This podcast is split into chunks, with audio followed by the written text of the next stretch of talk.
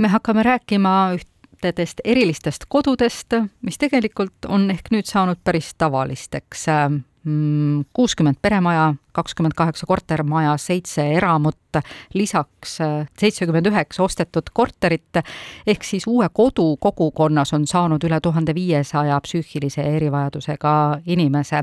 hoolekandeteenused aktsiaseltsi kinnisvaradirektor Karl Mänd on meil stuudios, tere hommikust! tere hommikust! homme saab peaaegu nagu üks suur etapp elust läbi oo oh jaa, see on, see on olnud väga pikk aeg. mis tunne see on, see on nagu sportlase käest küsida, aga, aga eks see noh, mõnes mõttes ongi selline distants ja saavutus. ma arvan, et seda tunnet on võib-olla keeruline kirjeldada, aga kõige lihtsam on võib-olla seda võrrelda sellise kooli lõpetamisega, et on, on midagi, mille nimel on aastaid vaeva nähtud ja vihastatud ja kurvastatud ja ebaõnnestunud ja, ja siis on jälle õnnestumisi. ja siis ühel hetkel on see läbi seda on hirmus kaua oodatud ja meel läheb kurvaks. aga paneme natukene konteksti selles mõttes, et kust alustati ja kuhu me tänaseks jõudnud oleme, et äh, siis, kui kuusteist aastat tagasi, milline see oli, pilt oli kuusteist aastat tagasi nüüd erihoolekandeasutustega? see pilt oli äh, võrdlemisi nukker, et äh, inimesed elasid suurtes erihooldekodudes, kus pead-jalad koos oli mitmekümneid või mitmeid sadu inimesi noh, ühes, ühes toas näiteks võis elada kaheksa või kümme inimest koos, täna me räägime majast, kus elab üldse kokku kuus inimest. et need, need asjad ei ole üldse nagu võrreldavad, aga aga see, see, see, kust me tuleme, on, on päris jah, päris kummaline, et inimesed elasid mõisates, sõjaväekasarmutes, ühiselamutes. jaoks, eks ole mm no ma võin kihla vedada, et mitte ükski mõisnik ei teinud oma mõisa omal ajal eesmärgiga sinna paigutada erivajadusega inimesi, jah ja sealt, kuidas see samm-sammult edasi läks, sest äh, esialgu ju ei olnud päris tillukesed majad, mis tehti, olid ka sellised mitmest majast koosnevad äh, rühmamajad justkui? Jaa, see vastab tõele, aga siiski on algusest peale olnud ikkagi meie jaoks oluline see, et inimestel oleks piisavalt privaatsust ja et see elukeskkond, kus nad hakkavad elama, oleks selline inimeste mõõtmetes. et äh, igal inimesel on oma tuba ja, ja, ja igal asjal on oma koht, saab süüa teha ja saab süüa ja saab äh, äh, vaadata televiisorit ja perega koos olla, sest inimesed elavad meie majas ikkagi nagu üks pere. see pere võib olla väga suur, aga, aga nad siiski moodustavad ühe pere. ja need esimesed majad, äh, mis me siis tegime kümmekond aastat tagasi, perekülad seal ongi kümme inimest kuni kaksteist inimest ühes majas, mida on ka tegelikult ikkagi liiga palju.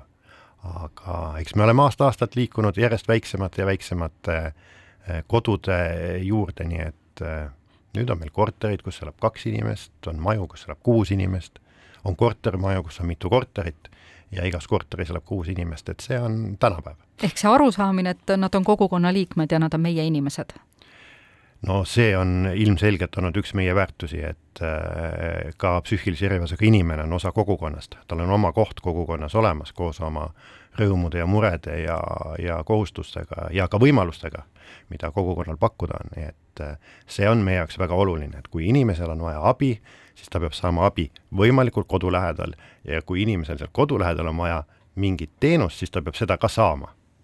olgu selleks siis hambaarst või, või, või juuksur ja kui me räägime erivajadustega inimestest, siis äh, erivajadused on erinevad ja vastavalt sellele ka see kodukeskkond peab olema, noh, lähtuv sellest, milline on inimese erivajadus, et tal oleks mugav ja hea seal olla ja seal liikuda. kui palju olete te pidanud spetsiaalselt ikkagi nüüd läbi mõtlema, ma saan aru, me räägime siin korteritest, sellistel puhkudel ilmselt on lihtsalt see kohandamine, eks ole, vastavalt sellele inimesele, aga, aga antud mingites kontekstides ilmselt ongi mõistlikum täiesti ehitada selline spetsiaalne, hea, mõnus, turvaline maja, kodukeskkond no, no ilmselgelt on, sõltuvalt inimese erivajadusest on, on see keskkond, peab olema natukene võib-olla erinev, aga me oleme võtnud ikkagi endale sihiks äh, lähtuda sellisest universaalsest disainist. et kui inimesel ei ole mitte midagi viga, mitte ühtegi muret, ka siis on tal seal hea elada.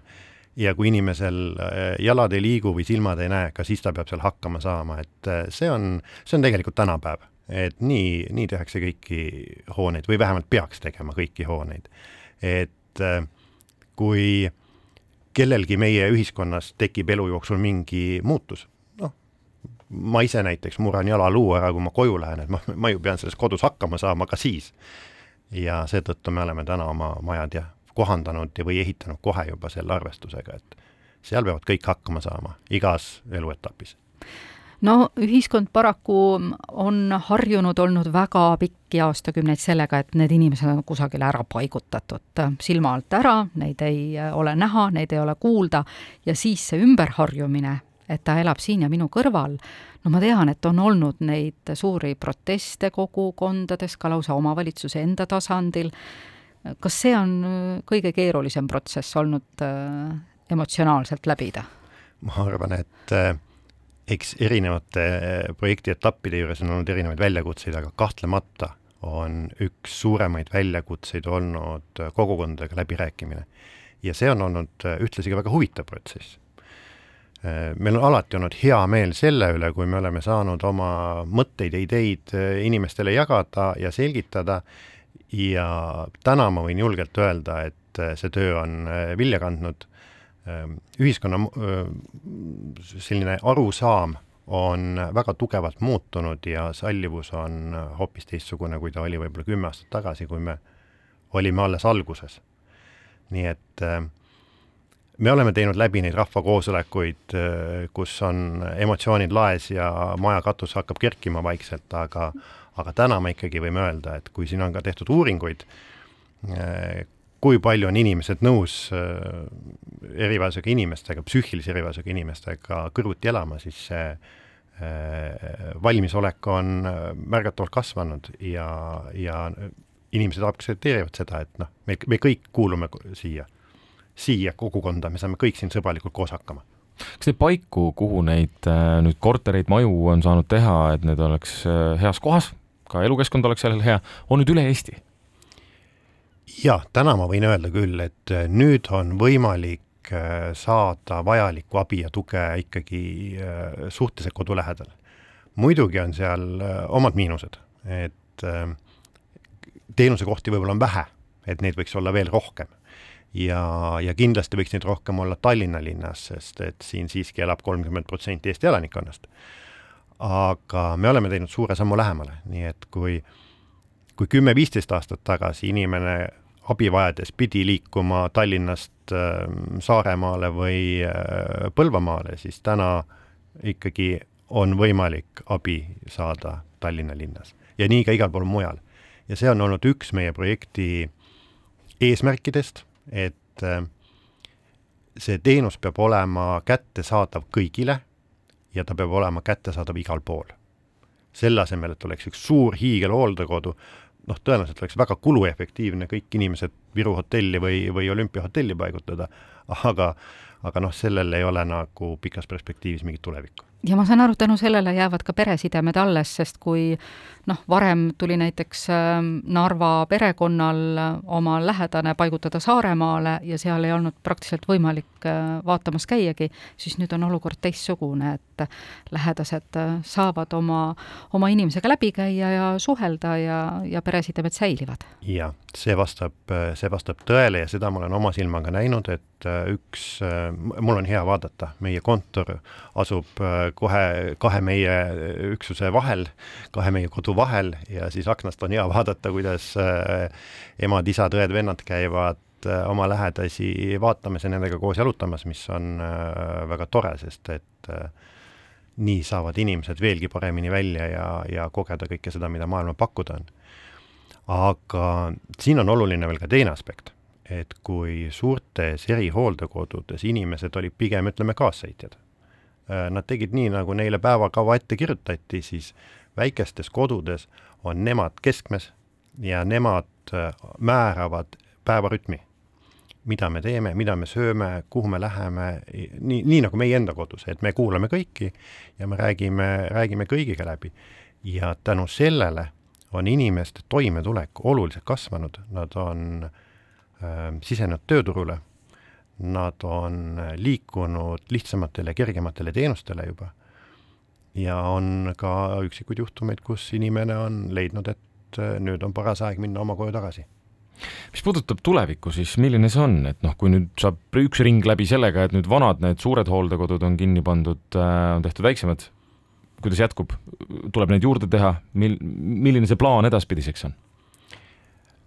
meile meeldiks mõelda, et äh, nüüd on see töö tehtud.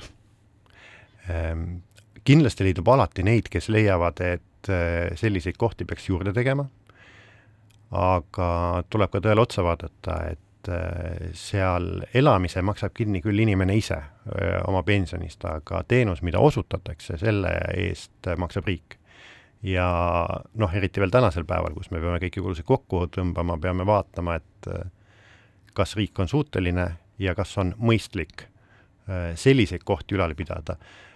pigem tuleb luua tugistruktuur selleks, et inimesed saaksid võimalikult kaua ise oma kodus oma lähedastega hakkama, et neil on olemas äh, vajalikud meetmed selleks ja nii, et see lähedane selle koorma all kokku ei vajuks.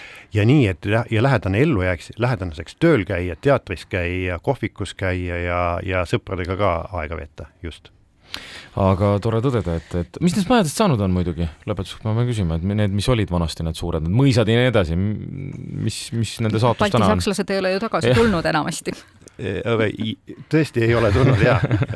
kui me alustasime, eks me siis olime ühed Eesti suurimad mõisnikud, et -hmm. väga palju, väga paljud erihooldekodud asusid mõisates, väga ilusates kohtades, kus ei olnud mitte midagi teha, sest ümberringi mitte ühtegi inimest ei elanud.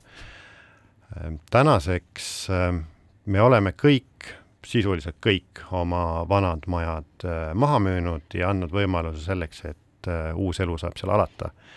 Ehm, enamikesse nendest on äh, liikunud äh, eakate hooldus, ehm, eakate kodud, aga on ka üksikuid äh, erandeid.